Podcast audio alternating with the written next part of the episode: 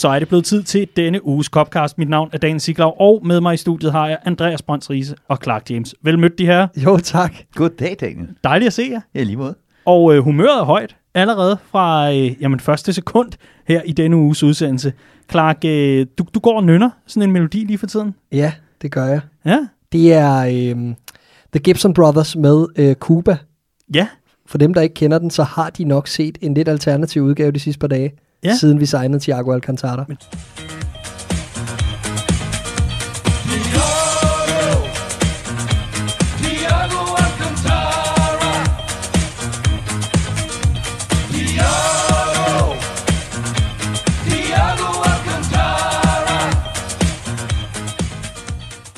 Er utroligt. Det. Ja. det er amazing, hvor, hvor kreative folk er, ikke? Jo, det er helt amazing. Helt amazing, simpelthen. Ja.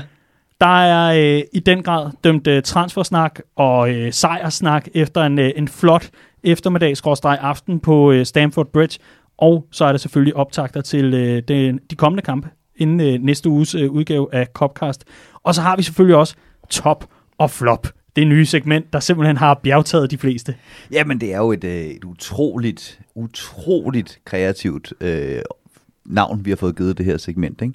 No. Øh, og selve segmentet er jo virkelig udtryk for den allerfineste nytænkning og nyskabelse inden for, øh, for, Præcis. for radio. Jamen absolut. Og, og et eller andet sted, så er det måske så nytænkende og, og, og så nyt og skævt, så det måske er for meget. Ja, Så, så jeg har en idé, Riese. Ja. Øhm, din nye bog, Ja. der er på vej. Er den sendt til Gutenberg og tryk og alt muligt andet nu? det er den. Nej, det er den ikke helt, men øh, den, er, den er lige op over. Ja, det, det er ligesom musik og sådan noget. Jamen, pladen kommer snart. Ja, men præcis. Ja, Ja. præcis. Men der kommer snart en bog. Jamen, den er ved at blive lidt out- layoutet, as we speak. Du, du kan ikke på den måde sætte en kunstner i, i, i boks. Nej, nej, du er det- nødt til at lade ham, lade ham blomstre. Jamen, og, og måske skal vi... Deadlines og alt det der. Væk Ja. med det. Præcis. Men før nok, lad os så sige, at din bog kommer tilbage, forhåbentlig fra tryk og, og layout og alt muligt andet. Skal vi ikke smide et eksemplar af den bog ind i puljen til den lytter, der kommer med det bedste forslag til, hvad top og flop i stedet for kan hedde? Det synes jeg er en fremragende idé, om end jeg synes, det næsten er sådan lidt normcore fedt at have øh, top eller flop som, som navn Ja, på det ja. segment. Ja. Men øh, i hvert fald, hvis du sidder og lytter til Copcast og tænker, det der top og flop, det er håbløst, fordi jeg har et langt bedre bud. Øh, du, du havde et lige på læberne lige før. Skavs eller snavs. Ja, det er kraftedeme det er dårligt. virkelig dårligt, så det kan kun gøres bedre end det derude. Sæt i gang. Sæt i gang. Det er altså øh, en mulighed, og øh, man kan bare byde ind. Det kan man på Facebook og på Twitter. Søg efter Copcast, så finder du os der. Og så ellers så er der en inbox, du, øh, du kan skrive i, og så må vi se, om vi når at tjekke den, inden at vi altså omdøber formatet. Sæt i gang. Nå, de her humøret er højt. Vi skal huske at holde, øh, holde fast i det gode humør og den gode energi. Så jeg skynder mig lige igennem en øh, programoversigt, der byder på en gennemgang af øh, kampen mod Chelsea. En øh, flot sejr, som sagt. Og men at vi fik lidt hjælp fra, øh, fra en gode danske Andreas Christensen. Tak for den. Så taler vi selvfølgelig også om øh, den transferweekend, der virkelig har overgået mange andre weekender på den front i øh, Liverpool-regi. To tilgange er det blevet til, og hvilke to tilgange? Vi vender og drejer og analyserer til den helt store guldmedalje. Og så har vi top og flop for sidste gang, inden det kommer til at hedde noget andet. Og selvfølgelig øh, optakterne til kampene mod Lincoln og Arsenal. Inden vi kaster os over øh, kampen mod Chelsea og, og rykker mod det, Riese, har du set klubemblemet for Lincoln City? Jeg synes, det er guddommeligt fedt. Hvis man skal prøve at beskrive det, så for mig er det, det, det er sådan lidt en, en krøllebølle-agtig figur. i en halv yoga-positur med, med sådan et, et ben krydset over det andet, mens det står op. Det ser sindssygt ud. Det er en meget malerisk beskrivelse, men også meget sand. Men- Meget, meget sandt. faktisk. Men hvordan fanden ender man med sådan et klubemblem? Jamen, jeg har ingen idé, men, øh, men de er jo kendt som The Imps. Øh, Ja, det skal jeg love for. Lincoln, og, og, og det er noget med, at de gik tilbage til det her klubemblem i, øh, i 2014, øh, efter at have haft nogle, øh, nogle andre forskellige logoer, øh, og det skulle sådan være den originale imp, altså øh, som den, den, den allermest originale imp. Det OG imp, Ja, præcis, simpelthen. præcis. Og jeg, øh, altså, jeg er næsten ked af, at det ikke er, øh, er Leicester, der skal møde øh, Lincoln, efter at Brendan Rodgers jo i sin første sæson som Celtic manager røg ud til netop Red Imps fra Gibraltar i øh, kvalifikationen til Champions League. Hold kæft, det er bare imp, imp i anden. Hold kæft, hvor er der mange imps. I hvert fald så er det dem, vi har trukket i Carabao-koppen. Og hvis du ikke tror på, at øh, det er krøllebølle i yogastilling, så google det, og så kaster vi os ellers over kampen mod Chelsea. Firmino. Salah Lovely little wall pass. Cross to Mane! Brilliant from Liverpool. Super from Sadio Mane. Det blev til en øh, flot 2-0-sejr på Stamford Bridge i går, hvor øh, Liverpool altså aflagde besøg. Og det gjorde de i et øh, opgør, Riese, for lad os starte med dig. Det gjorde de et opgør, som øh, for mig at se var, var ret interessant, øh, i hvert fald øh, ud fra sådan et taktisk perspektiv. Og det er derfor, vi sender dig på banen øh, hmm. som vores egen lille Thiago her fra start. For øh, det, det lød til, at Chelsea ligesom bare overlod alt initiativ til Liverpool, og så selv prøvede at slå os på kontra. Var det, var det bare det, der var gameplanen? Øh, ja, det var i hvert fald det, der blev gameplanen. Jeg er ikke sikker på, at det var det fra start. Øh, jeg synes egentlig, man kunne se, at Chelsea gerne ville prøve at spille bolden ud bagfra, og gerne ville prøve at sidde lidt på det. Og når man har en spiller som Jorginho, øh, som dyb playmaker, så skal man jo også forsøge at spille lidt mere øh, lidt boldbesiddende. Jeg tror simpelthen bare ikke, de kunne komme til det. Øh, Liverpool havde et, et ret fint pres på dagen, der, øh, der tvang Chelsea til en helvedes bunke øh, fejlafleveringer ud over sidelinjerne især. Øh, de fik også kørt deres kontra, det skal de have, og det er også en, en glimrende fronttrio, de kunne mønstre øh, på dagen. Øh, vi havde altså bare en mand nede i forsvaret, der var bedre. Øh, men, men ellers så blev det sådan, øh, sådan kampbilledet blev, og det synes jeg er Liverpools fortjeneste, og, og jeg tror også, det handler om, at, at man selvfølgelig har en, en målmand, der er fuldstændig uden selvtillid, så man vil ikke lægge for meget pres på ham i forhold til mm. at tage for meget del i opspillet, og det så vi jo så også senere, hvorfor man eventuelt godt ville undgå at gøre. Men er det efterhånden, fordi nu, nu synes jeg bare, jeg, jeg, jeg kan se flere tophold, og så øh, må, må I endelig rette mig, hvis, hvis jeg tager fejl, men jeg synes bare at kunne se flere tophold, der tager en lidt forsigtig tilgang til det at møde Liverpool. Jamen, du kan jo se, øh, hvad der skete for Brendan Rodgers, apropos øh, hans Leicester-hold på hjemmebane sidste Boxing Day. Hvis man, hvis man undervurderer det her Liverpool-hold bare den lille mindste smule, så får man bare ørerne i maskinen. Ikke? Øhm, og jeg synes, det var, jeg synes, det var en interessant kamp, også forstået på den måde, at, at øhm, alle folk leder efter huller i panseret på det her øh, Liverpool-hold. Og det er klart de negative historier, der har fyldt mest herhen over, over sommeren. Jeg synes, det her det mindede helt utrolig meget om noget, vi så øh, sidste år. Nemlig en Liverpool-sejr øh, på et par mål, hvor man har fornemmelsen af, at Liverpool godt kunne gå efter stroben, men ikke rigtig gjorde det. Og efter kampen sidder alle folk og siger, ja, men hvis man ikke havde fået det røde kort, og hvad nu hvis der var scoret på straffesparket, og hvad nu hvis... Og den slags kampe, synes jeg bare, vi havde ufattelig mange af sidste mm. sæson men hvor man efter en 17-18 stykker i streg bare må sige, det er jo ikke tilfældigt, at Liverpool bliver ved med at hente de her øh, sejre, selvom, øh, selvom der er vis og vis og vis i massevis efter sådan en kamp. Der var jo noget øh, bekymring i forhold til bagkæden efter øh, første kamp i, øh, i, i hvert fald den ordinære sæson øh, mod Leeds United, hvor man lukkede tre mål ind. Vi talte lidt om, øh, hvor ekstraordinært det, effektiv Leeds var på dagen, men jeg kunne også se, at øh, Peter Kær havde meget travlt med at sige, bør Liverpool være bekymret? Nu trækker man sig altså fra et topopgør mod Chelsea, som mange var begyndt at rykke længere op i deres forudsigelser, netop på grund af en række indkøb. Ret skal være ret. Der var også mange, der ikke var med øh, i gårsdagens kamp, men ikke desto mindre et Chelsea-hold, hvor der allerede nu er høje forventninger til. Her trækker man sig altså med et clean sheet. Og men Clark, at det jo var uden øh, faste øh, forsvarsmarkere til øh, Virgil van Dijk i form af Gomez og Joel Matip, men Fabinho. Hvordan trak han sig ud af, af opgøret? Helt øh, exceptionelt. Han var, han var i særklasse, øh, og det var jo tydeligt at se. Jeg synes jo faktisk, at Chelsea øh, stiller ikke op på den her måde. Jeg kan ikke helt genkende det der med, at de stiller op på en måde, hvor de ikke forsøger at spille kampen. Det synes jeg jo, de gør. Jeg synes ikke, de havde en forsigtig approach. Jeg synes egentlig, at de forsøgte med en meget direkte stil. De kunne nemt være gået med, øh, med fem mand i bagkæden, men de gik med fire, på trods af, at Alonso har problemer defensivt osv. Så, så de forsøgte jo at sætte denne her øh, direkte stil op med at give bold til øh, Jorginho, som skulle lægge den op på Timo Werner, så skulle de have de her en mod en dueller ned mod Fabinho gerne. Øhm, og det så vi et par stykker i starten, men øh, Fabinho gjorde lige præcis det, man havde ønsket allermest. Han gik ind og vandt de første to-tre stykker, og så var der nærmest bare lukket. Fordi så holdt han sig af de her mand-mand-dueller Timo Werner resten af tiden. Øhm, så øh, jeg synes, at øh, Fabinho var helt exceptionel på dagen, men jeg synes også, at jeg kan genkende det, du siger, Riese, omkring, øh, at Chelsea forsøgte at spille kampen, men det gik hurtigt op for dem, at de bare var op imod et hold, der var meget bedre afstemt. Og det er jo en kæmpe, øh, kæmpe gevinst for os, at vi møder dem så tidligt i sæsonen, fordi de har netop været ude at investere helt sindssygt, og på papiret, den fronttriv, som du også nævner, Andreas, fantastisk, men de er bare så langt fra at klikke øh, i Chelsea, og jeg tror, at det er et hold, der får øh, problemer med at, øh, at spille så mange nye folk ind på så kort tid med et så kort, en, en så kort sæsonforberedelse, som der har været.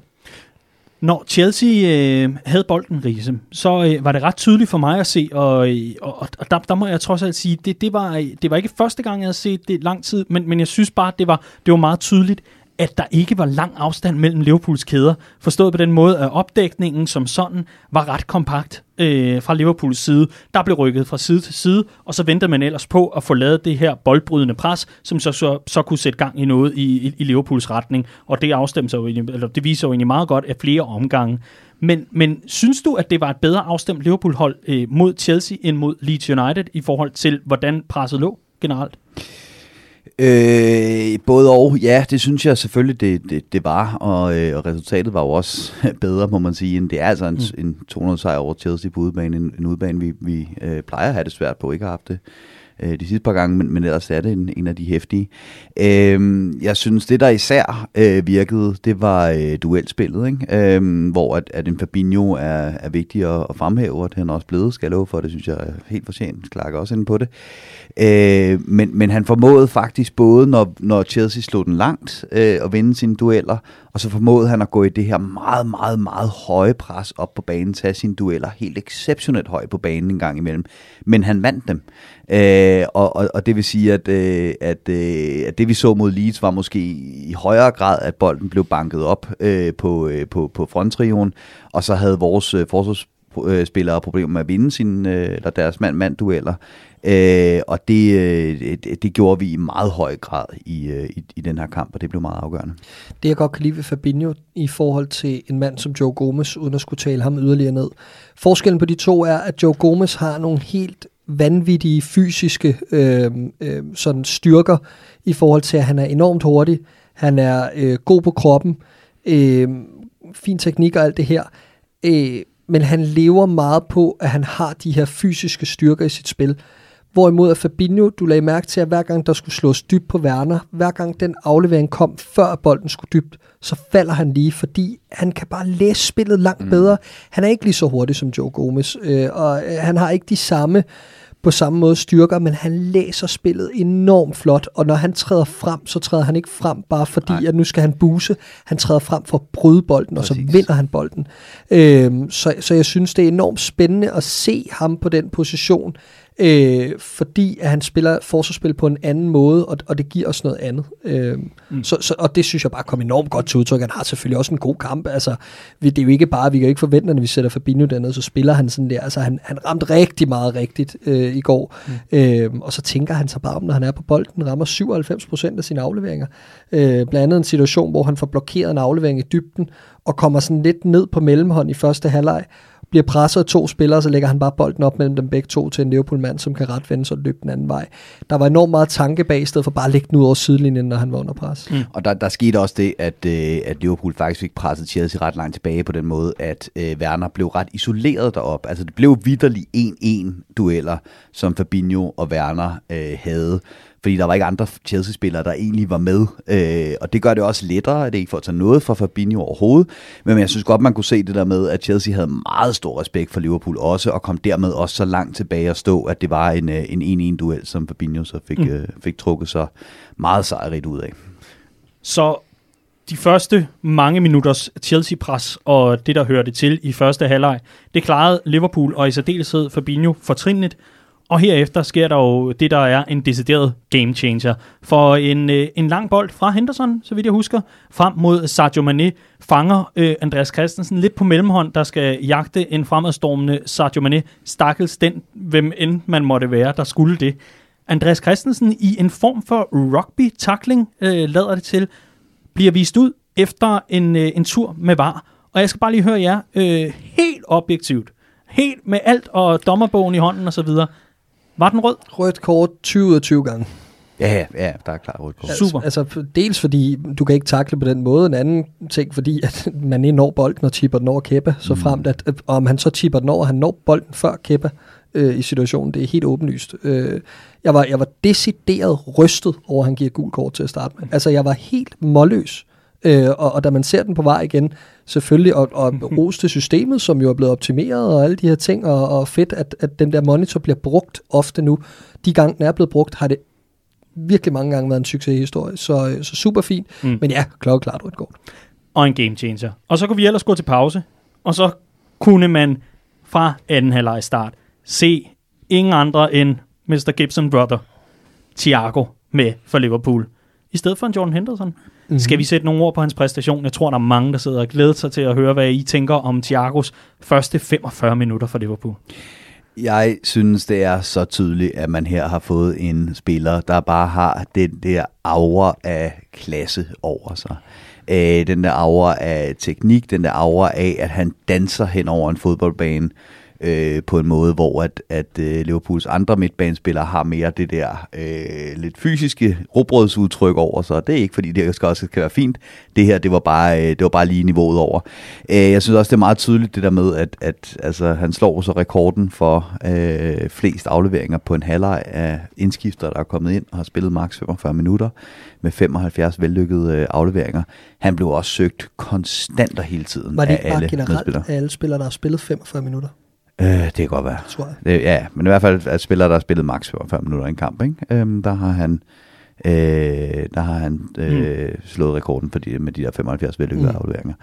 Øhm, og, og han blev også søgt konstant og hele tiden, og det kan jeg godt forstå, han gjorde. Ikke? Altså de der øh, dænkede stikninger, øh, hvor han lige kigger væk, og så øh, får slået den udenom øh, om forsvarsspilleren rundt om hjørnet der.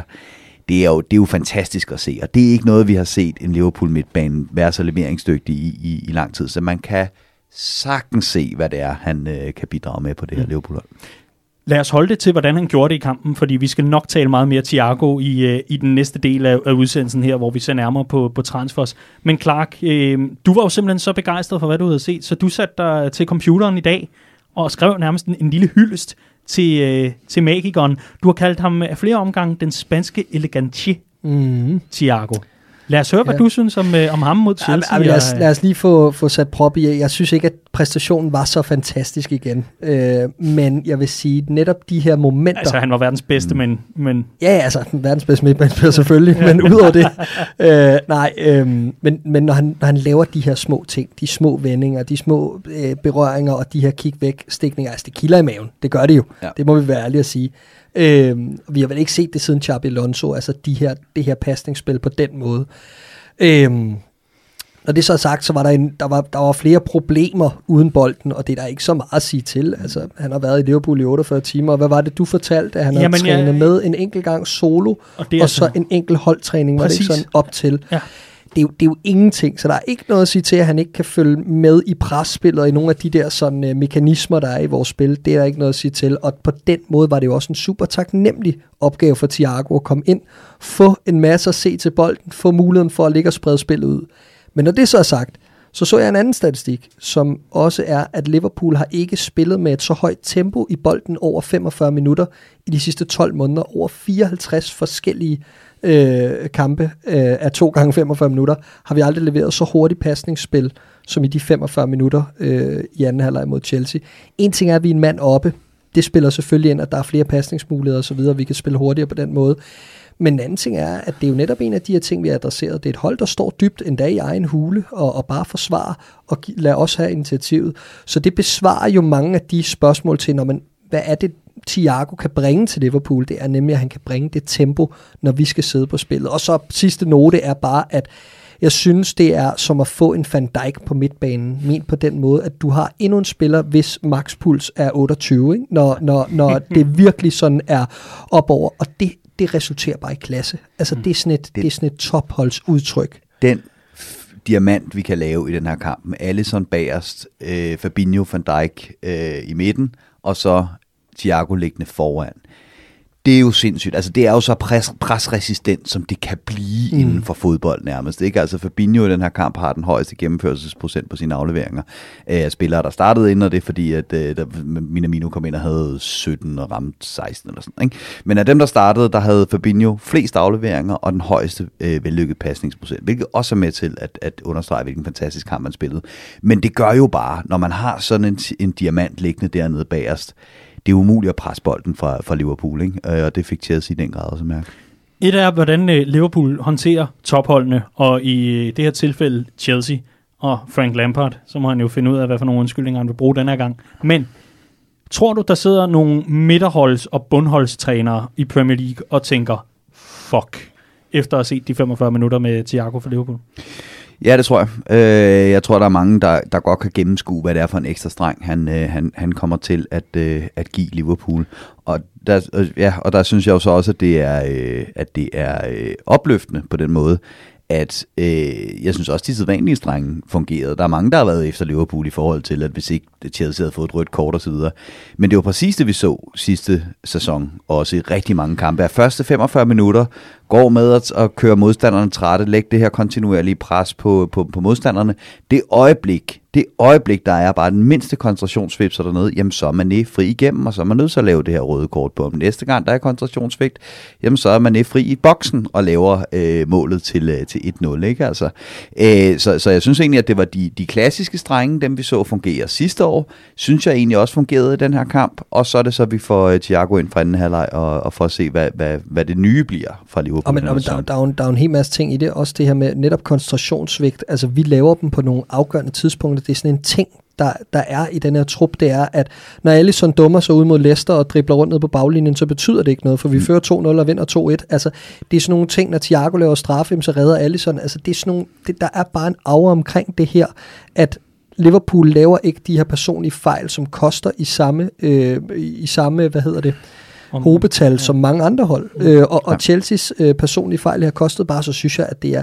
Jeg hørte Frank Lampard sige det efter kampen også, det her. Det er ikke bare alle og enhver på social media, der, der siger det. det. Det er Frank Lampard, der står og siger, at men hvis vi ikke havde lavet den personlige fejl, og øh, øh, vi havde scoret på vores straffe, jamen, så står den jo 1-1. Øh, jeg ved godt, at fodbold ikke fungerer sådan. Jamen, hvorfor siger du det så? Ja. Fordi, hør nu her, altså det, det er ikke et tilfælde det der. Og så, så så jeg også en masse, der nævnte det her med, jamen, øh, Liverpool skaber ikke noget i første halvleg, og, og hvis ikke øh, vi får rødt kort osv., jamen hvad med den situation, hvor der bliver lavet rødt kort? Ja, præcis. Hvis ikke der bliver lavet rødt kort, så står den 1-0 til Liverpool. Præcis. Altså, så, så den der med, at, at Liverpool ikke havde scoret, hvis vi havde spillet 11 mod 11 og Vil de andre børn i skolegården Åh, ikke anerkende vores genialiteter? Jamen, jeg, jeg, tror, jeg tror, vi skal... Altså, det, der hurtigt sker med sådan noget øh, i fodbold, det er, at nu husker folk primært, at Liverpool blev mestre ganske suverænt, rent, på rent pointmæssigt.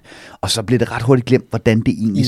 skete. Jeg, det, er jeg, jeg er imponeret, hvor ofte jeg stadigvæk hører det her med øh, Liverpool og heavy metal og full throttle fodbold. Det, det har vi længe ikke siden. spillet i to år. Det er længe siden. Øh, så, så folk, der ikke ser Liverpool hver weekend, ser bare resultaterne, der tækker ind, og Liverpool virker ganske suveræne. Hvis man ser kampene, så er det her jo et ganske typisk kampbillede for. Liverpool de sidste to år. Og det er bare ikke tilfældigt, at de bliver ved med at give mm. gevinst i kampe. Spørgsmålet er, om øh, det her spørgsmål skulle komme i næste del, men alligevel. Den sidste ting, fordi øh, Thiago kommer øh, tydeligvis ind og, og bidrager positivt til Liverpools spil i, i anden halvleg, især også i forhold til at få bygget det offensive op, Riese. Og det sidste korte spørgsmål skal komme til dig.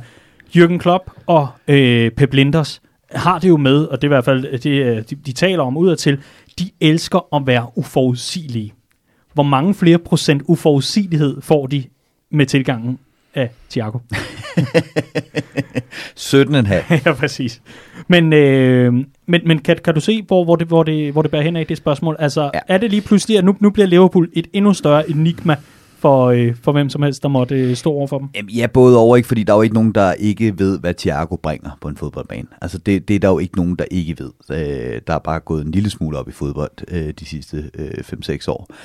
Øhm, men han kan de der øh, de afleveringer, som vi ikke kan på midtbanen øh, lige nu.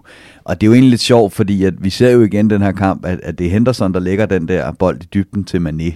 Øh, og, man, og Henderson har det jo sådan set i sit lokker.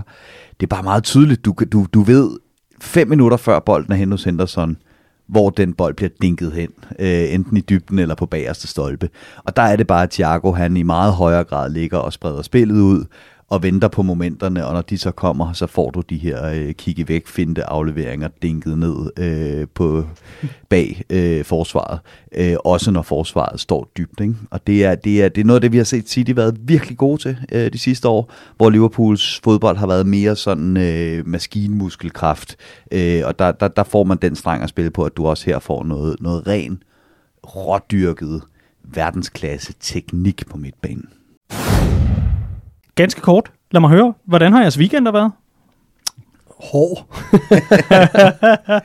Den var hård, Clark. Hvorfor det? Ej, jeg, jeg, jeg, jeg fik lidt at drikke, vil jeg sige. Det hørte jeg også Riese gjorde, så vi er nok lidt i samme båd. Ja, jeg tror, hvis, hvis nogen øh, er, kan høre på min stemme, at den er lidt grøde måske sådan en mandag her, øh, så var jeg i den fantastiske situation, at øh, jeg holdt polterappen for min er rigtig, rigtig god ven i lørdags, og det blev rigtig festligt, og det var en rigtig god dag. Så den blev også rigtig lang den dag. Og, og I, I isolerede jer i sådan nogle bomberballs, var det ikke sådan? Jo, vi var, det var sådan en coronavenlig øh, polterappen-aktivitet, ikke? Øh, sådan bomberballs der, hvor man stikker øh, overkroppen ind i en badebold og løber ind i hinanden, mens man jagter rundt efter en fodbold, man ikke kan se.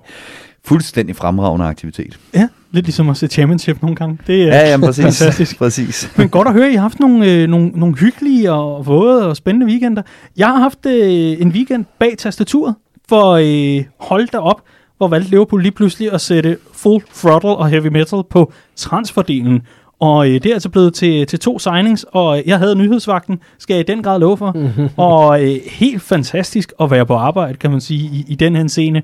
For Liverpool har handlet ind. Det skete. FSG var ikke onde og grumme alligevel. Liverpool ville gerne bruge penge, og vi levede lykkeligt til vores dages ende, og det blev mesterskaber, og det blev alt muligt. Vi skal selvfølgelig tale om øh, de to nye tilgange, og lad os bare tage den i forlængelse af, at han nu har fået sin debut. For den første, der blev præsenteret, Clark, det var Thiago Alcantara. Ja, altså torsdag breakede nyheden jo, som rigtig mange har ventet på, tror jeg, det her med, at man kunne se, at det var noget, der ligesom var leaget fra klubben, at alle de pålidelige journalister kom ud med, så nu er budet ligesom trillet ind på 30 millioner euro, og det er øh, aftalt med Bayern München og alt det her, og så var det jo bare et spørgsmål om tid derfra, og det var jo øh, ikke nogen større overraskelse, vil jeg sige, men timingen var alligevel en lille smule sjov, fordi det kom jo efter et par dage, hvor der begyndte at blive enormt stille omkring det, og uha, Gini Wijnaldum lader til at blive, og hvad har vi overhovedet brug for, og det ene og det andet og det tredje. Men, øh, men så gik det lige pludselig stærkt, og øh, jamen altså, øh, kæmpe glæde herfra i hvert fald. Jeg synes, at det er fantastisk med, med, med noget fornyet energi i truppen, og øh, så har man også bare savnet en, en, en god sommertransfer, ikke? Altså, øh, det, er jo, det er jo længe siden, man har kunnet nyde godt af, at, at der kommer en ind, som, som skal spille en, en hovedrolle i, i denne her, øh, i, hvad var det, Jürgen Klopp beskrev det som, at, at når man skal skrive nye kapitler, så er man også nødt til at bruge nye skuespillere, ikke? Og, og det, er ikke bare en, det er ikke bare en statist, det her, det er, det er en, der skal spille en af hovedrollerne. Nu, må- nu må Jürgen Klopp ikke gå, gå meget længere ned ad David Brent-vejen på, i forhold til metaforer. Men øh, for lige at gøre tidslinjen øh, op hurtigt. Øh, efter sine så var det sådan, at øh, Bayern München om mandagen i, på en uge siden sagde til Liverpool, nu skal I høre, vi har sæsonpremiere på fredag. Ja, vi skal nok til øh, Schalke, det skal vi nok tage os af. Men vi kunne godt tænke os, at der var ro på øh, setup'et, sådan så vi kunne komme godt i gang med vores sæson.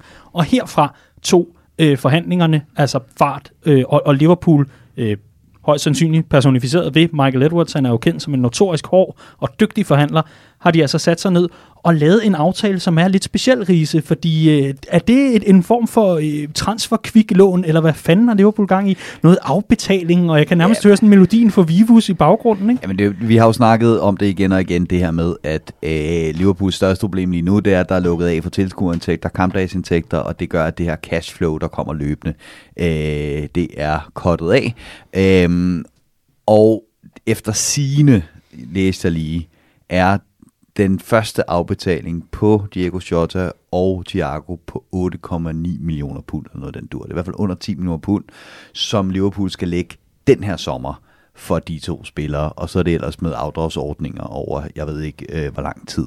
Og det er klart, det gør en kæmpe forskel, når man, øh, når man står lige nu, og, øh, og ikke nødvendigvis har så mange penge på gidsbunden, og ikke ved, hvornår der bliver åbnet op for, for tilskuer igen, at man på den måde kan, kan sprede, øh, sprede øh, øh, ja, udgiften ud over noget tid. Ikke? Og det er jo også, jeg har set mange spørge sig selv, hvorfor kan vi købe Diego Jota nu og ikke Werner? Og det er jo fordi, at hvis man skal indløse en frikøbsklausul, jamen så skal pengene falde med det samme, og øh, det fulde beløb. Og det, øh, det, det, det, det har man ikke vurderet på det tidspunkt, man kunne, men til gengæld så Jota, øh, der får man lov til at dele øh, det den op i flere bidder, den her øh, udgift til ham. Og øh, lige præcis en af de spørgsmål, jeg også måtte indrømme, at jeg stillede mig selv, da jeg så øh, offentliggørelsen af den anden signing, øh, Diogo Jota, som jeg Lad os, lad os lige få noget øh, udtale-service på her, fordi øh, du, du læste et sted, hvordan man skulle udtale det ordentligt. Diogo Jota. Diogo Jota. Skal jeg Du må- fortsætte? Du må gerne fortsætte. Nej, men jeg var også en af dem, der, der stillede mig selv det spørgsmål i forhold til, da jeg så den her pris på 45 millioner pund, eller 41, som kan stige til 45, så tænker man lynhurtigt, jamen Timo Werner, okay, nu har vi lige hentet Thiago og øh, øh, Diogo Jota, og så læser man det her efterfølgende, øh, som, som jo er en super vigtig pointe, nemlig at det er en helt anden betalingsmodel, mm. og, og oven i det skal man også huske på, at prisen for, øh, for Shota havde også været noget lavere. Det første, der kom ud, var jo, at den ville ende omkring 35 millioner pund, og så gik det meget stærkt lige pludselig. Men fordi Liverpool har ønsket den her måde, betalingen skal falde på, har man også betalt en premium oveni i det lange løb. Øhm, så, så der er jo, der er jo en, en, et backlash ved den her måde at skrue handlen sammen på. Og man kan sige, at det, der også kommer ud her efterfølgende, er, at de her transfermål, man har sat sig den her sommer, det har simpelthen været et must for, at Liverpool overhovedet kan handle. Ismail Azar var blandt andet på listen, sammen med Shota som, som potentielle offensive signings. Det samme var øh, Jonathan David fra, øh, fra, fra, fra Genk, som øh, Gent eller Genk, Ingen idé. jeg tror det er Gent, Nå. Ellers fra dit yndlingsland. øh, som, og ikke til det igen, Nå, jeg men, øh, men som er råd til Lille tidligere på sommeren. Øh, men, men det var blandt andet en af de her ting, der var lidt øh, i vejen for en handel med, med Ismail Azar, mm. angiveligt, nemlig at, at der blev krævet for mange penge up front, Upfront, og, og, og så videre. Så det er, jo, det er jo meget nemt at forstå, kan man sige, øh, med det vi også snakker om sidst, det her med, at Liverpool har en strategi den her sommer, der hedder at passe på pengene, og der skal nogle penge ind, før vi kan bruge nogle penge osv., men nu fandt man så en kreativ løsning, hvorpå man har selvtid nok til at sige, okay, det her beløb kan vi godt lægge ud i forhold til, hvad vi regner med at få ind her til sidst for, for nogle af de brede spillere, der er til salg du sidder sådan og rynker brynene. Nej, nej, nej. Øh, der er bare to ting. Dels så, så er der en ting, jeg ikke helt forstår, og jeg har ikke lige kunne øh, tjekke 100% op på det. Hvis der er nogle kloge mennesker, der ved mere om det, må de meget gerne øh, tage kontakt. Øh, jeg mener, der er en regel i, i England om, at, øh, at det fulde beløb for en spiller skal falde inden for et år, øh, som man har lavet. Altså når, når engelske klubber handler internt, og derfor undrer jeg mig lidt over, hvis det skulle have, skulle, burde kunne hvis det skulle kunne spredes over flere år, det her øh, Shota-beløb, det er jeg ikke sikker på, det kan. Dels så er der den her, der var en, øh, øh, øh, en, en god ven af programmet, øh, Jens, der tog kontakt nu her og sagde, at det, det kunne jo også godt have noget at gøre med den her handel den anden vej, øh, Hoover. Øh, fordi ham har vi også fået en god slat penge for, og det passer faktisk, der er jo det her med, at man, man, man afskriver en spiller over øh, den periode, som kontrakten løber på. Og det vil sige, at Diego Jota, det beløb, vi nu øh, køber ham for, det passer med, at det første år nu her, øh, der øh, skal vi så afskrive et beløb, som er mindre end det, som vi får ind på Hoover. Og det, der er rent regnskabsteknisk, det er, at et salg fremgår det fulde beløb af regnskabet med det samme. Øh, så, så, så det kan jo også godt være, at man har, øh, man har lavet en fin aftale med Wolves, der hedder, øh, vi skruer lige lidt op for beløbet på den ene spiller, så gør vi det også på den anden. Mm. Så kommer det til at se godt ud på, øh, på begge klubbers og regnskaber. Det tror jeg helt sikkert er en pointe, og netop fordi, at den basic fee, der er i den handel, hedder 9,5 million pund, så vidt jeg husker, og kan stige til 13,5. Og de 9,5 million pund, det er den pris, som Thiago og Shota koster nu. Mm. Jamen altså, og velkommen til anden time af LFC Business. Mit navn er Stein Bakker, med mig har jeg Tras og Thorsen. Fornøjelse. Hvor bliver det teknisk, det hele? Men, Ja. men det er jo også interessant, fordi at det bliver så teknisk, og det var netop ikke for, for at hive det ned overhovedet. Det er bare mere for at sige, hold nu op, hvor er det et vildt marked at skulle navigere i. Ja, ja. Især, så er det jo fantastisk at have en, øh, en Excel-magiker i form af Edwards, der både kan regne værdi ud og alt muligt andet, og finde hullerne i, i de her i hvert fald øh, regnskabstekniske områder. Men, men det er alligevel interessant, Riese, fordi vi, vi taler jo om, og det er der jo mange, der taler om, i, i fanbasen taler vi jo meget om, jamen Werner kunne ikke lade sig gøre, vi har købt ind på fortællingen om, at det var for dyrt på daværende tidspunkt. Man kendte ikke økonomien, man kendte ikke pandemien, man vidste ikke, hvad man gik ind i, og lige pludselig kan alting lade sig gøre. Tror du, at det vidderligt ikke var muligt for klubben tilbage i, i den periode, hvor Werner var oppe at vende? Nej, nej, nej. Liverpool kunne sagtens have købt Timo Werner. Øh, men det havde krævet, som vi var inde på i sidste program, at man var gået ud og lånt nogle, øh, nogle penge, og det vil man ikke med den nuværende forretningsmodel. Så kan man gå på kompromis med den. Det kan man snilt gøre, uden problemer. Mm. Øh, det var man så bare ikke villig til. Men det, der bare er med, med Werner, det er dels, at beløbet skulle falde på en gang. Dels er det nogle helt andre lønkrav, end, end Timo Werner har, øh, end, end Diego Jota. Og, øh, og endelig så, øh, så, så, er der, øh, så er der spørgsmålet om, hvor meget klogere man er blevet nu. Ikke? Nu kan man se, at der så småt begynder, og måske kan vi lukke tilskuere ind igen snart, og, og så videre. Det kan godt være, at man er blevet lidt klogere på øh, de langsigtede effekter af coronapandemien øh, på ens regnskaber nu, end man var i foråret. Ikke? Og så er vi også nødt til at gå tilbage til det, du nævnte i sidste uge, Riese, med overvejelserne omkring Thiago Alcantara og et køb af ham. Jamen, er det noget, der kan flytte nok i forhold til den pris, det koster? Jeg tror, risikoen på daværende tidspunkt, og i forhold til den deadline, der lå, og at Werner skulle have et svar, og det er ikke nogen hemmelighed, det skulle han, fordi at han året før havde ventet på Bayern München, og der var et skifte, der var gået i vasken. Det er tydeligt at mærke, at han skulle, ham og hans agent skulle have et svar på daværende tidspunkt. De kunne ikke mm. vente til Liverpool var klogere mm. i september. Jamen alt det lagt sammen gør bare, at det var et no-go. Og så kan man mene om, hvad man vil i forhold til Timo Werner. Det er nemt at mene, uh, mene til den gode side efter i går i hvert fald, men, men, men i forhold til, om, om det var en spiller, der var fuldstændig ideelt for Liverpool, det er super ærgerligt, men situationen er, som den er. Og øh, jeg vil ikke bytte, øh, øh, når, når, når jeg står nu, i forhold til at få de to spillere kontra kun at få Timo Werner. Thiago har også en langt federe sang, end Simon nogensinde vil få, tror jeg. Så det, øh, det, det er ikke noget Og problem. vi så jo, vi så jo tydeligt går, at han er lort. Timo Werner, ikke? Så, Absolut. Hold da op, hvor han dårlig. Han har trukket to straffespark i to kampe. Det, det dufter lidt mere af tapas og sangria, end, end Timo Werner gør, ikke? Og det er der er lidt mere, det er lidt mere bockwurst på glas, ikke? Fuldstændig. Hold kæft, to ord nu ud af min mund. Fuldstændig. Det, den tyske tapas. Så er der ikke plads til hver mand. Nå, det var ikke det, vi skulle til. Fordi vi skal tilbage til vores øh, lille transfertidslinje her, Clark. Fordi midt i Thiago øh, Alcantara-hypen, som jo ligesom rullede ud, og man ventede på, blev det Thiago First Day? Nej, det gjorde det ikke. Det blev Thiago Friday. Og midt i det, så lige pludselig ud af det blå, jamen uh, Wolverhampton er uh, ved at sikre sig Kijana Hoover på en aftale, der så var de her 9,5 millioner pund, og så med add-ons, så løber det op i uh, ja, godt og vel 13,5 millioner pund. Ud af det blå, i hvert fald for mit vedkommende, kommer Diogo Jota lige pludselig, mm. og vælter det hele jo. Jamen, det starter jo faktisk allerede torsdag. Jeg mener, det er torsdag, Er det- er det de, torsdag? de er i aktion øh, i... Øh, ja, hvad er det, de spiller? Nej, men det de er med i Cup'en? bagkoppen mod, mod Stoke, hvor han ikke er med. Nej, og hvor, hvor han det, er med i truppen, Han er med i og så truppen, men kommer forlader han truppen han inden truppen. kampstart. Og der Sindssygt. starter historien lidt, og der ser jeg nogle Wolves-fans snakke på, på Twitter om, at kan han være på vej til Liverpool? De har ikke hørt noget, men, men der var en fornemmelse af, at, mm. at der måske var ved at ske noget, og, og det, det, det spredte sig lidt internt.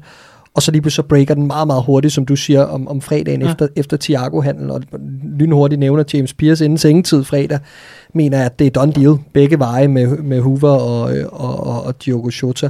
Øh, jeg må indrømme, min første reaktion var lidt, nå, okay. Øhm, og det må man jo bare kigge tilbage på tidslinjen over Klopps og sige, men den har man siddet med nogle gange, har man ikke det?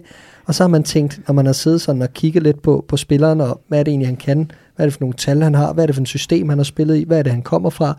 Så giver det jo fin mening. Altså, øh, en spiller, der er teknisk dygtig, altid kan spille overalt i frontkæden. Vi har ikke set ham så meget til højre, vi har primært set ham til venstre, vi har set ham spille som angriber. Øh, godt skolet, kommer fra Portos Akademi, øh, har, har øh, været inde omkring Atletico Madrid, hvor han aldrig rigtig nåede at, at, at være en del af det. Han røg ud på lån igen, har så været en del af det her Wolves eventyr, siden de lå i Championship. Øh, og er en spiller, som kan med begge ben, øh, god afslutter, god teknisk, god i de små rum, og på mange måder synes jeg, at det er en, det er en fin tilføjelse til den her Liverpool-offensiv. Jeg havde personligt troet, at vi ville se en mere rendyrket hurtigløber, øh, som gardering op foran. Det vil jeg sige var mm. måske et ideelt set bedre match, men, øh, men når jeg får hele pakken og hele historien her med, så synes jeg, det giver fin mening. Man skal jo høre sandheden fra børn og fulde folk. og jeg ved, at for øh, to år siden, der stod du med endnu en fadøl i hånden og tænkte en tanke. Og, og grunden til, at jeg hiver det op, det er, fordi du selv har bragt det på banen. Ja, jeg, jeg, jeg tweetede lige ud, fordi øh, guderne skal vide, at jeg i de første øh, sæsoner øh, af Manis Liverpool-karriere synes, at han kunne være noget så svingende. Øh, og øh, det ene øh, lørdag var han verdensklasse, og næste lørdag smed han alt væk. Øh, og, og der blev jeg lidt træt af ham en gang imellem. Og i øh, efteråret 18 havde Mané en rigtig Mané-periode. Det er så også den sidste. Siden da har han vidderlig været verdensklasse øh, ganske kontinuerligt. Men der står vi en, en eller anden øh, lørdag inde på poppen, øh, og jeg har fået så hatten passet. Øh, og så smider Mané endnu en gang bolden direkte ud, siden hvad fanden han laver, og jeg udbryder øh, rimelig højt, at øh, jeg godt kunne tænke mig at bytte ham for Diego Shorta i Wolverhampton, øh, og det blev ikke taget så øh, vel imod, og det var måske også lige med vel meget øh, polemik øh, indblandet yeah. i argumentet, men jeg har faktisk længe været, været lidt forelsket i ham her, Diego, Diego Jota, og det har jeg, fordi jeg kan sagtens se, som Clark siger, øh, at det vil give mening med en rendyrket hurtig løber, øh, fordi det er det, vi, vi, vi øh, har manglet, øh, når, når Mané eller øh, Salah ikke har været der. Det har været den der fart, det der øh, mere en-til-en erstatninger for en af de to, som er så hurtige. Øh, hvor hvis man smider Origi, eller Minamino, eller Shaqiri, eller whatever, ud på en fløj, så bliver det bare en anden type kamp, øh, fordi de ikke mm. på samme måde kan tro på farten. Men det, jeg elsker ved Shota, det er, at han er en målscorer. Øh, og, og målscorerne, øh, eller fløjene, er vores primære måltrusler i det her system. Øh, Øh, han, han, øh, han, han, han fik ikke den vildeste start i Premier League på sin venstre kant, men jeg kan huske, at Wolves på et tidspunkt gik over og ændrede systemet fra 4-3-3 til 3-5-2, og uden det skal blive alt for teknisk, øh, så blev Shota, i stedet for at være en venstre kant i aller det system, som vi spiller i Liverpool, så blev han lagt op ved siden af Jimenez, som Wolverhamptons primære måltrussel. Øh, så det blev sådan et øh, lille, hurtig, øh, stor øh, targetman, øh, engelsk angriber, makkerpar op, og han bombede Jota lige pludselig. Øh, og der kunne jeg lige pludselig godt se, hvad det var, han ville kunne bidrage med i, i Liverpool fra en venstre kant, hvor han i højere grad, øh, hvor man holder på bolden, så han kan komme i feltet. Det er simpelthen nogle mål, og det er det, han er, han er købt for. Så går man på kompromis med farten, til gengæld så har man målene, når man kan få en, der både er hurtig og kan score mål. og enormt dygtig til at score med begge ben og fra begge Præcis. Sider af banen. Øh, scorer både centralt i højre og venstre side. Øh, jeg godt lide kynismen, og så kan jeg se nogle sammenligninger i det her med Sadio Mane. Han er sådan en, han er en meget, han blomster op meget, som, som en meget, meget effektiv spiller i kortere perioder af gangen i sæsonen, og så stempler han ligesom ud, så der er de der udfald, ligesom man så med Mané i Southampton. Han er også kun 23 stadigvæk, har præcis den samme alder som i, lige i det spænd, hvor vi hentede Mané.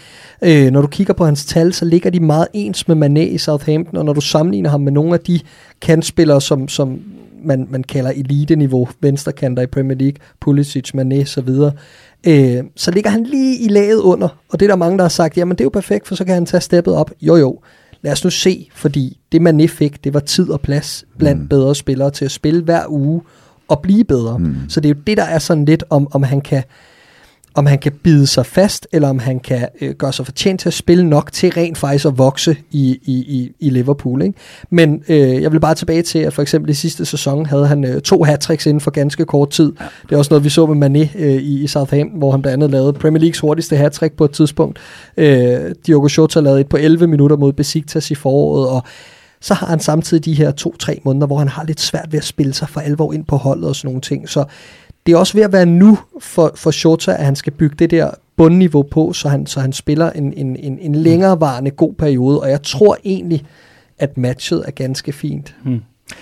Pep Linders og øh, de portugisiske kontakter har angiveligt været, øh, været med til at øh, hive det i den her retning, således at øh, Shota altså røg i, i Liverpools favn. Ellers så var der andre, der også så nærmere på, øh, på den her øh, portugisiske kant wing angriber offensiv spiller med alsidighed og alt det andet. Det interessante er jo også lidt, at øh, efter øh, coronapausen, hvis vi kan kalde øh, den der lockdown af fodbolden i foråret det, jamen der havde han netop Shota en rigtig svær periode, hvor han røg ud af holdet, hvor han ligesom blev, blev skubbet lidt ud og, og for alvor ikke slog igennem. De gange han kom ind, der faldt han lidt igennem, og han blev lidt et smertensbarn for, mm. øh, for Nuno, manageren i, i Wolverhampton. Og Nuno er jo også med Wolverhampton-projektet, for det er jo også interessant at få med ind i ligningen om, hvorfor lader man en så dygtig spiller gå for nuværende tidspunkt. Og, og Wolverhampton har det jo glimrende, øh, ligger udmærket. De mangler kun at bryde glasloftet til den her top 6, og så er de ellers i godt, godt, godt i gang. Men hvorfor lader han, lader han ham gå nu for nuværende? Det må vel også have noget at sige i forhold til, hvad for et projekt Shota nu skal ind i. Det er et andet projekt, der jo er fastholdelse af mesterskabet. Jamen, øh, der er også den ganske øh, klare mulighed, som hedder, at det ikke Nunes, der, Nuno, der bestemmer, hvem der bliver købt og solgt i Wolverhampton. Det er George Mendes, og det synes jeg også, man skal have med i den her fortælling ja. om købet af Jota. Det går hurtigt lige pludselig, ligesom det gjorde med Fabinho, som, øh, som vi købte i Monaco, som også har George Mendes gæst i bureau som, øh, som øh, agentbureau. Øh, og, og det er, øh, øh, det, det er lidt dobbelt, synes jeg, fordi jeg, jeg, er ikke, jeg er ikke så glad for George Mendes og hans, øh, hans øh, agent. Øh, øh, virksomhed. Og, og her der kommer vi lidt i seng med, med, med sådan en som ham, og det, det viser sig også i, i, i prisen. Ikke? Øh, og, og det er jeg ret sikker på, at det har nu, nu intet haft med at gøre, om, mm. øh, om Shota skulle sælges eller ej. Øh, og så er det, altså der er også bare det at sige ved det, det er, at, at altså, der var mange, der havde problemer efter øh, lockdown, og det var også en sæson i Wolverhampton, hvor øh, man var gået meget tidligt ind i den europæiske turnering. Det havde været en virkelig, virkelig, virkelig, virkelig lang sæson. Ikke? Øh, så det vil jeg ikke nødvendigvis lægge for meget i, men det er rigtigt nok, han har, han har tendens til lidt ustabilitet, så Mm. det, ikke- det, han, skal, han skal lige have en god periode i Liverpool.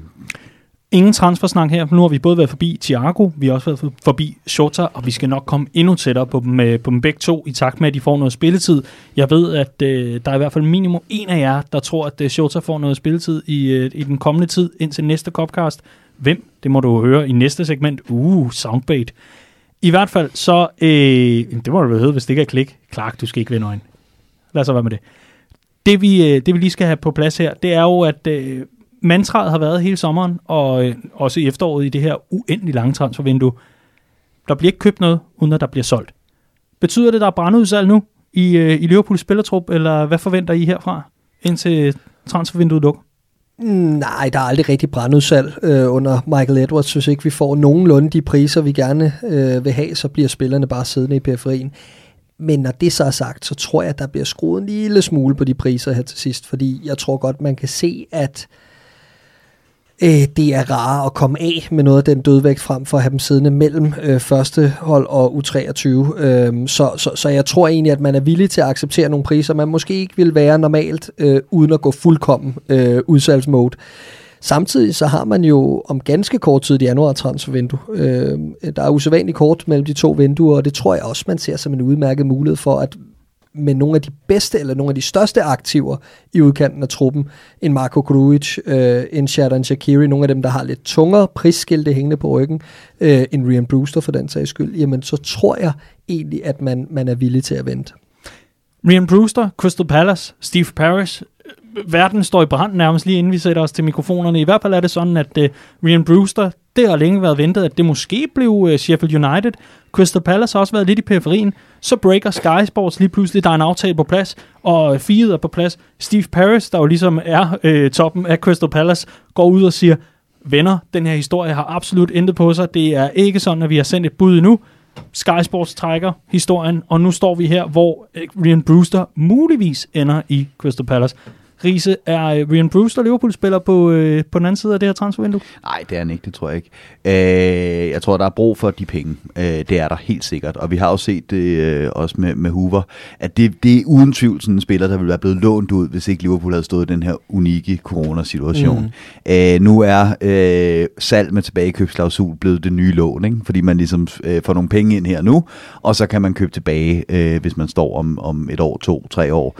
Øh, og øh, der er styr på situationen igen, og, øh, og spillerne har udviklet sig til den positive side. Så det er, jeg, jeg, jeg tror, vi, vi kommer til at se den løsning, der hedder salg af Brewster med i Og, og det tror jeg også, men, men pointen var egentlig bare omkring de her spillere, at, at nogle af de største aktiver, så frem at vi ikke får en tilfredsstillende fee, jamen så tror jeg gerne, vi holder på dem. Men en pris på det, der lyder til at være 25 millioner pund, med en tilbagekøbsklausul, der kun er 12 millioner pund dyre, 37 millioner, øh, det er en no-brainer, set med liverpool briller hvis man kan få de penge ind nu. Så er det blevet tid til vores øh, smukke segment med navnet Top og Flop. Vi skal øh, hylde det gode, og så skal vi ellers øh, pege fingre af det grimme og det onde. Og øh, vi starter med et lytterbud på et flop. For det kommer fra Jakob Pedersen, der vil sige flop, Gomez og Matip. For uroligende at de to, særligt Matip, er så injury prone. Fabinho, stærk backup, men lidt tyndt besat. Der er altså et flop i forhold til øh, forsvarssituationen og backups der. Det kunne jo være, at der kom en øh, gardering på centerbakken, inden vinduet lukker. James Pierce siger, at det nok ikke bliver til noget med flere køb, men jeg synes, vi har hørt den der sang om, at øh, der bliver ikke nogen køb, og så kom de alligevel på en fredag og en lørdag, så man ikke kunne holde weekend. Nå, nok om det. Vi skal øh, til øh, Sein Lucci, og det er på Twitter. Han skriver flop. De spillere, som fik en reprimande af Klopp for at klappe og huge af det røde kort, sådan noget gør vi ikke, efterfulgt af tre klappende emojis. Den situation så jeg, så jeg slet ikke. Og det er ikke øh, spillere, der har klappet, det var medlemmer af staben, bekræftet Klopp efter øh, kampen. Okay. Så øh, det er altså voksne mennesker, der skal Ja, der, opføre og der er vist lidt tvivl om de klappede af det røde kort, eller klappede af var fandt frem til den rigtige beslutning. Men Yes. ligegyldigt hvad, så skal Klopp igennem, og det, er, Ja, ja. det kan vi godt lide at se. Men det er ikke jeres flop endnu. Det var i hvert fald bare lidt fra uh, Twitter, Riese. Du får lov til at starte her i studiet med dit flop. Denne uges flop, hvad er det? Øh, jamen, jeg synes jo, øh, jeg synes faktisk, at den er, øh, den er svær den her uge, fordi der er godt nok ikke meget, der ikke er gået Liverpools vej, øh, siden vi, øh, vi, vi, vi sad her sidst. Øh, men hvis jeg alligevel skal, skal, øh, skal grave lidt dybt her, øh, så tror jeg faktisk, jeg vil, øh, jeg vil hive fat i en gammel kending af programmet her, nemlig da det øh, begynder at blive tid til at skifte ud, og der skal lidt mere kontrol ind på midtbanen, så er det når øh, Naby Keita, der bliver, øh, der bliver flået ud med en halv time, og James Milner kommer ind i, i stedet for.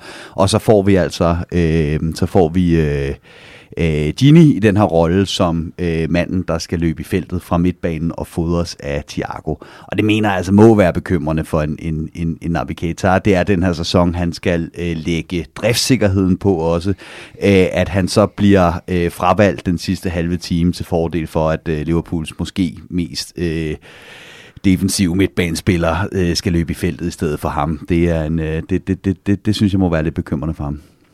Det er simpelthen en hets, der kører mod Naby Det er en Det er en risehets. Prøv at høre her. Det Havde en- han taget for mange... flop Prøv at høre. Nej, men jeg er simpelthen nødt til at kommentere på det. Han spiller muligvis en af de mest modne kampe, jeg har set ham gør spille away. Det gør han. Og når han, hvis han havde taget nogle chancer i den her kamp, og det ikke var lykkedes, så havde du siddet og Fuldstændig. revset ham Fuldstændig. Han spiller fuldstændig kontrolleret. Han er blevet bedt om at lade være at gå ud og tage en masse chancer. Han mm. ligner Gini Wijnaldum. Ej, han, han, han fyldte ikke helt lige så meget øh, i, øh, i det defensive, når, øh, når der gik hul på Liverpools midtbane ud over den øh, venstre kant for, for, øh, for Chelsea der. Så var det sgu ofte Naby Keita, der blev, øh, der blev spillet rundt om. Ikke? Men han bad, blev også delt om at, og, øh, og dække et stort område, og det kan også godt være, at han bare var løbet tør for luft der efter en, en times penge og, øh, og skulle spare sig klop. Det skal jeg ikke kunne sige. Jeg kan bare øh, konstatere, at han blev øh, hævet ud som den første på, øh, på midtbanen. Vi skal lige have et par af Yes. de øh, sidste lytterbud på et flop, inden vi hopper til dig, øh, Clark. Vi øh, tager Jimmy, der skriver flop, at vi ikke får lukket kampen mod Chelsea noget tidligere. Hvis det ikke havde været for Allison, så kunne det godt have været blevet spændende til sidst. Og så slutter vi af med Henrik Hække Markusen, der gerne lige vil påpege i tre punkter. Vi tager bare det ene, fordi det synes jeg taler for sig selv. At Man of the Match-afstemningen på Facebook-siden og på hjemmesiden lukkede allerede kl. 22.30. Det vil sige, det var umuligt at kunne nå at stemme, før man har indtaget 14 fadøl, 4-5 shots, og så nå at slinge hjemad fra poppen, når man nu bliver smidt ud kl. 22. Vi sender vores varmeste undskyldninger og, og tanker til øh, Henrik Hække Markusen. Tak for budene. Det var i hvert fald lige de flops, jeg havde øh, fundet, som Mm. var interessante. Hvad er dit flop i den her uge? Men jeg er nødt til at være kedelig og, øh, og svare det samme som det første bud, som er, er det her med centerforsvaret. Det var, det var lidt af et chok øh, at se den startopstilling, der kom på, øh, når man havde forventet, at vi havde tre fedt centerbacks, og vi så ender med en. Øh, var der opstået en skade øh, med, eller til Fabinho eller Van Dijk, så havde vi været utrolig udsat. Jeg var faktisk tæt på at gøre det til øh, Roberto Firmino, men jeg synes, at hans assist øh, til 1-0-målet var utrolig vigtig. Og øh, så dirigerer han jo også Mané i den rigtige retning til, øh, til, til 2-0-målet. Så jeg synes, han er oppet så lidt, men øh, der er lidt for meget nonchalant øh, attitude omkring ham, når han er på bolden nede på egen, egen tredjedel. Øh, egen, egen første tredjedel hedder den nok. Så vi også mod Leeds. Det ligner ham ikke. Mhm. Så er vi nået til det gode. Vi er nået til alle toppene, hvis man kan kalde det det, topperne. For øh, der er flere, og det er altså øh, på Twitter, både Jakob Pedersen, Niklas og Jakob Tunnel. Vi har Allan K., vi har Henrik Holm Nissen og Sein Luthi og Peter Christiansen osv. osv. Fabinho, Fabinho, Fabinho, Fabinho, Fabinho. Og så hopper vi over til Facebook, hvor Flemming Lindebjerg Rasmussen, det er en af vores egne skribenter, fucker talt, han gerne vil nævne Michael Edwards, for nok en gang at mestre transfergamet, nu corona-style. Først ved at hive den eftertragtede Thiago-handel hjem på favorable vilkår, og dernæst på, et, øh, på en ud af det blå signing af den efterspurgte bredde spiller til offensiven, Diogo Jota. Bum. Det var lige et par øh, tops her, og ellers er det Fabinho, Fabinho, Fabinho og så videre. Hvad er din top i den her uge? Jamen, jeg var også tæt på at, at gå med, øh, med Fabinho, øh, også fordi man så tit ser det her med, at de øh, op mod øh, transfer deadline, der kan der gå panik i den, ikke? Og hvis Fabinho ikke havde spillet den her brandkamp, øh, og de to centerbacks havde været skadet, så kunne det godt være, at man så, det ligner ikke Liverpool, men, men der ville i hvert fald blive lagt ud, ustyrligt pres på, for at Liverpool skulle gå ud og hente et eller andet til den her, øh, den her centerback-position. Og jeg synes faktisk ikke, vi har brug for det. Jeg synes, at nu har vi fået Thiago ind på den her defensive midtbane, og Fabinho kan rykke ned i det her midterforsvar. Det kom 0% som en overraskelse for mig, at Fabinho han spillede godt på den der centerback, for det gjorde han også sidst, han var der nede. Ikke? Så, så, så jeg ser det sådan set som om, at vi har fire ret fine valg til den her øh, centerback, og at Fabinho bliver, en, øh, bliver, bliver ret vigtig. Men det er faktisk overhovedet det, øh, der er min top. Det er Super. Det, nemlig, nemlig øh, Sadio Mane. Og det er fordi, det er så røvkedeligt. Ikke? Det her, vi skal i den her sæson, det er bund og grund. Vi skal det samme som sidste sæson. Og vi snakkede om det her med i preseason. Har spillerne stadig sulten? Øh, er, er vi der stadigvæk? Så går Salah ind i første runde, brager et hat ind, og i den her runde er det så vores anden topscorer-kandidat, Sadio Mane, der lige viser, at han er toptunet og tændt til, øh, til den her sæson. Det andet mål, han, øh, han presser Kepa til der, man kan se, han er irriteret over sig selv, over den aflevering til Firmino ikke ligger som den skal, og så bruger han det til at gå ind og presse Kepa til, øh, til, til den her fejl og sparker den stensikkert ind. Og det er altså vel at mærke, efter han allerede har trukket et rødt kort og scorede målet til, øh, til 1-0. Det, øh, det, det er røvsygt, men det er, øh, det er altså, øh, det må man ikke tage for givet, at, øh, at den kære Sadio, han, øh, han gør det her. Fornemt. Vi tager øh, lige to top mere fra et par lyttere, og så skal vi høre din afsluttende bemærkning, Clark. Andreas E. Pedersen på Twitter, han skriver, top var, man skal huske at rose, når teknikken bliver brugt korrekt. Jeg kan kun erklære mig enig. Fuldstændig rigtigt. Hvor er det skønt at se systemet, der virkelig begynder at tage til vores fordel. Og lad os håbe, at det, det kommer til at fortsætte lang tid endnu. Og så slutter vi af med Jimmy Elsted Vorskov, der skriver, det er jo svært ikke at vælge Thiago og Shota som top. I, I forhold til Thiago er det første gang i mine 25 år som Liverpool-fan, at vi henter en, der er bedst i verden på sin position. Wow. Og så skriver han, men jeg går med endnu en flot sejr på broen. Det er sådanne kampe, mesterhold vinder. Og så lad os høre din top i den her uge, Clark James. Alison Becker. Mm-hmm. Jeg synes, at jeg har været lidt på nakken af ham i forhold til, at han har øh, haft et lavt niveau siden genstarten i Premier League, men øh, han var involveret i mål nummer et med en hurtig igangsætning. Han var tydelig i sin kommunikation, bemærker jeg for en sjældent gang skyld. Der var flere sådan nogle... Øh, bolde undervejs, hvor han var ude og, og, og gøre det klart, at det var ham, der skulle op og have den, blandt andet på det her øh, 1-0-mål, hvor han er hurtig til at op og gribe en bold, og så lægger han den ellers afsted til Henderson på den rigtige side af ham, som lægger den i dybden til Mané, og så går det stærkt, og så er kampen faktisk afgjort. Øh, tager det her straffespark selvfølgelig, hans første redning på straffe i sin Liverpool-karriere, øh, og så fra øh, Jorginho, som aldrig brænder straffe. Øh, fantastisk redning, og efterfølgende har han også en på er det Mason Mount, tror jeg, der kommer igennem med mm. den ene. Jeg kan ikke huske, hvem det er, der kommer igennem, øh, hvor han også slår den fint ud til siden. Så det var jo øh, Allisons to første redninger i den her sæson, øh, og øh, hvilke nogen. Tusind tak for øh, de herres bud her i studiet, og tusind tak til alle de lyttere, der har budt ind. Husk fremadrettet, der kommer vi altså til på optagedagene til øh, Copcast, kommer vi altså til at lægge grafikker ud på henholdsvis Facebook-siden, der skal man bare søge efter Copcast, og Twitter, Samme så, om man ikke også bare skal søge efter Copcast der, kommer vi til at lægge grafik ud til top og flop, eller hvad det kommer til at hedde fremadrettet. Og øh, så kan man ellers byde ind der, og vi siger tusind tak for alle indspark i, øh, i den retning. Vi skal til et par korte koptakter. Det blev et nej til den. Det blev et nej, tak. Ja. Okay, vi skal til et par korte optakter. Til, Kloptakter? Nej. Nå, okay. Vi skal varme op til et par kampe, som Liverpool skal spille i den kommende tid, og det er øh, henholdsvis Carabao, op, Carabao Cup opgøret mod Lincoln. Det er dem med Impen, der står i en yogastilling, og så altså Arsenal, det er Arteta i en yogastilling. Og det er Premier League opgør. Og i den forbindelse, inden vi kaster os over dem ganske kort, så skal vi øh, lige melde, at Copcast bliver skubbet en dags tid i den kommende uge således at vi optager tirsdag i stedet for mandag, og det giver jo rigtig god mening, da Liverpool jo møder Arsenal om mandagen, og dermed kan vi altså ikke gå direkte ind og optage, så bliver det meget, meget sent og langt senere, end Mette og Søren og alle de andre overhovedet vil tillade os at mødes. Så det bliver altså Copcast, der udkommer sent tirsdag øh, aften, tidlig onsdag morgen. Hermed advaret og oplyst. Først og fremmest Carabao Cup-kampen. Jeg synes ikke, det er så interessant at høre om det taktiske oplæg som sådan til et sådan opgør. Jeg vil i stedet for høre jer, øh, hvem tror I, vi får at se af spillere i, øh, i det opgør? Øhm, fuld reserveplade plus Thiago er mit bud. Mm. Øhm, Hvem er øh, reserverne der? Er der en portugiser iblandt dem, eller? plus Thiago og Shota, ja. Mm. Øhm, jeg har skrevet et bud på en startopstilling ned. Jeg tror, det bliver Adrian, og så bliver det Williams og Timikas på bakkerne, og med øh, Joe Gomez og Nat Phillips i centerforsvaret. Så tror jeg, det bliver en midtbane med Thiago bagerst, James Milner og Curtis Jones, og en fronttrio bestående af Minamino i midten, Origi til venstre og Diogo Jota til. Til højre. Nu har vi lige talt om, at han ikke passer ind i højre side, eller spiller særlig meget der. Ja, yeah, så er det på tide, at lære det. Ja, sådan så han kan indgå i din startopstilling. Nej, men Nå. jeg tror, jeg tror, han er tiltænkt at skulle, skulle dække ind lidt, lidt rundt omkring deroppe, Mm. og jeg tror, mm, kampens øh, modstanderens niveau taget i betragtning, tror jeg, det er, en, det er en fin mulighed for at se, hvad han egentlig kan på, på højre side. De bombede Bradford jo.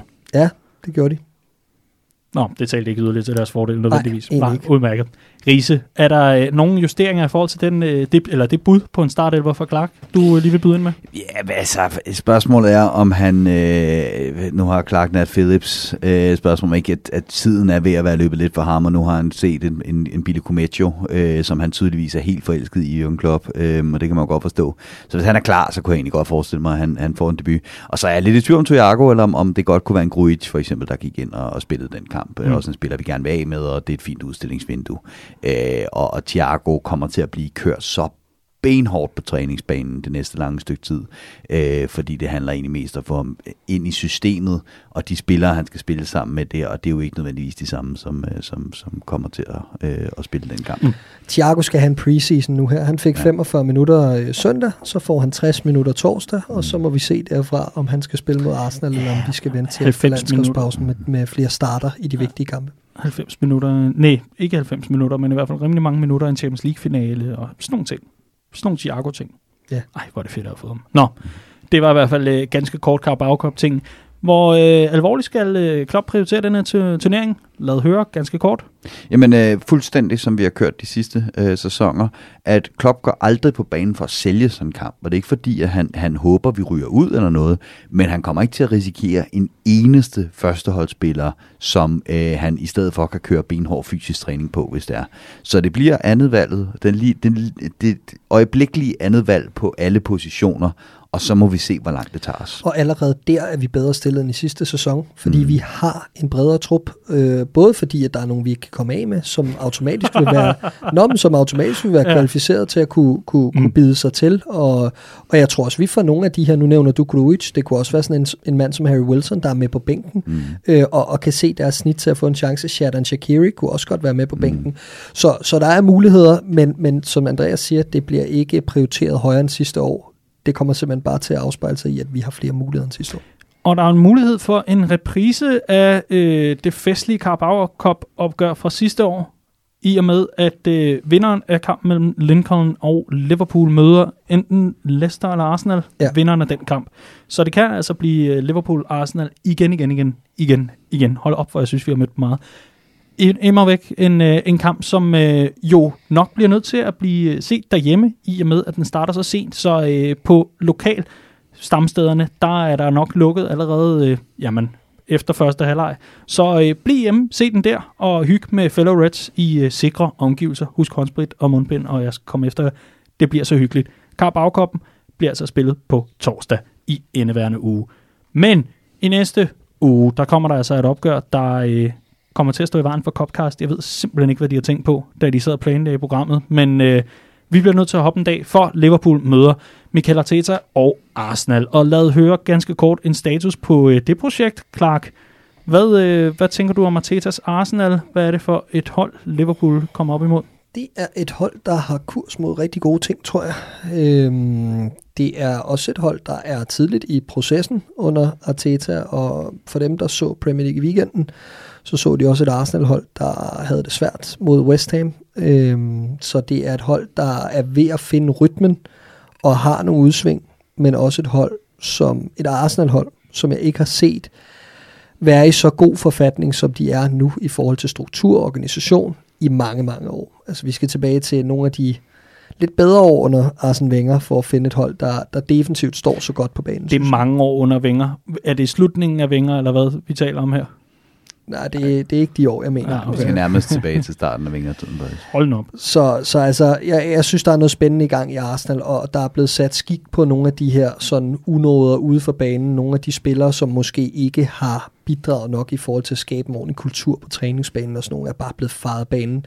Han virker som en stærk karakter, Arteta. Øh, det tror jeg bliver en gevinst for Arsenal, og jeg synes, man behøver ikke kigge længere tilbage eller se meget mere Premier League, end at have set vores sidste kamp mod, mod Arsenal tilbage i juli i Premier League, og så senere Community Shield opgør mod os også, for at finde ud af, hvad er det egentlig, det Arsenal-hold kan. Fordi de er, øh, de er blevet bedre til, de er blevet mere disciplineret i forhold til at kunne stille sig tilbage og afvente og køre på kontrastød. Og så har de en, øh, en helt fantastisk evne til at bygge op nedefra. Den har de fundet rigtig, rigtig hurtigt. Øh, og laver flere mål, hvor de starter ned fra egen keeper, eller nej, ned fra egen baglinje. Øh, og så kører de ellers benhård kontra, og den ender altid også Aubameyang, der får den på kanten af feltet og drejer den op i krogen. Øh, så et hold, der, øh, der har nogle kompetencer, som er interessante. Nå, nu er Jürgen Klopp vel nok træt af at tabe til Michael Arteta. Det var rigeligt, at det kom i juli. Det var unødvendigt. Community Shield, ah, irriterende. Riese nu sæsonen for alvor i gang. Hvad gør Klopp for at stoppe det her vanvid, hvor Arsenal begynder at vinde over Liverpool? Øh, jamen, det som, som, som Clark siger, så, øh, så øh, scorer de nærmest det mål, de, Aubameyang scorer mod Liverpool i øh, Community Shield, scorer de nærmest carbon copy øh, første runde igen øh, af, af, Premier League. Øh, så Klopp, han har helt, helt klart kigget meget video for at se, hvordan de, øh, de, de sætter de her angreb op, og, og netop hvordan man så lukker ned for, for Aubameyang.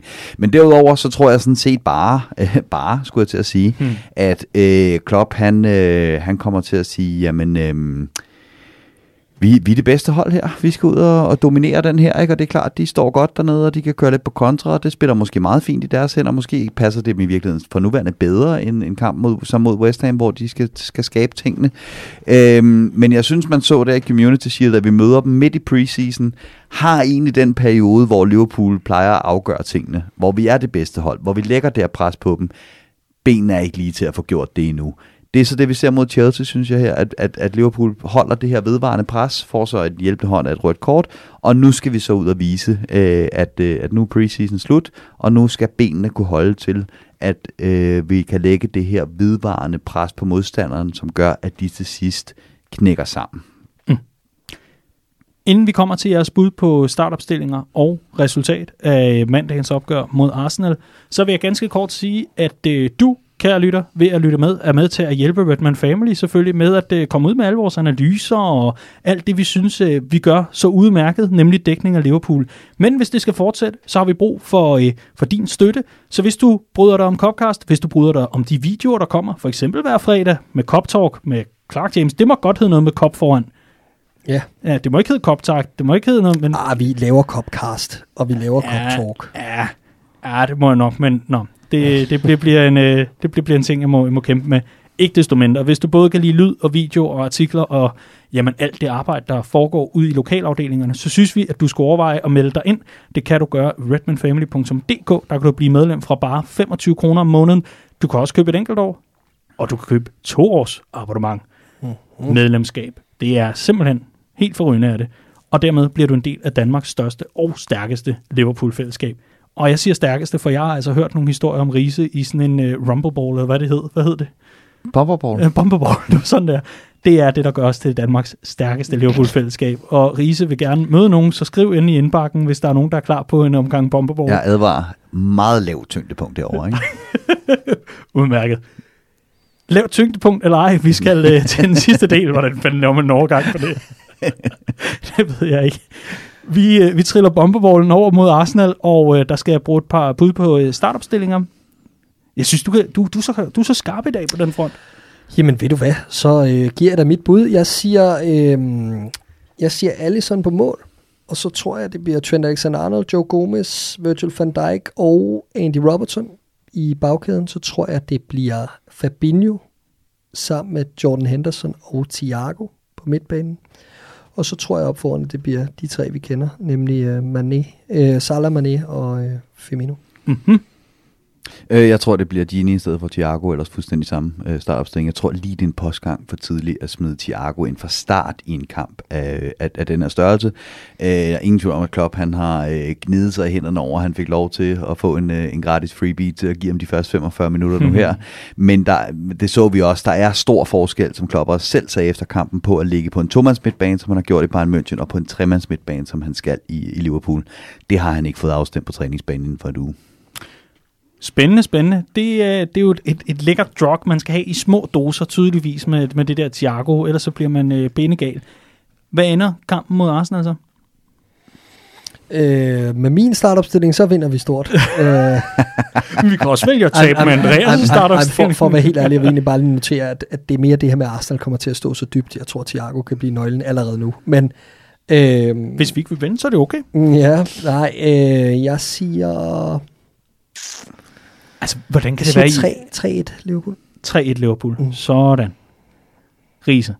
Jeg var simpelthen så tæt på at få ret i min 2-1 øh, i den her Chelsea-kamp, ikke? Altså fucking Allison, eller så... Øh, øh, så den går jeg med igen. 2-1 Liverpool. 2-1 Liverpool.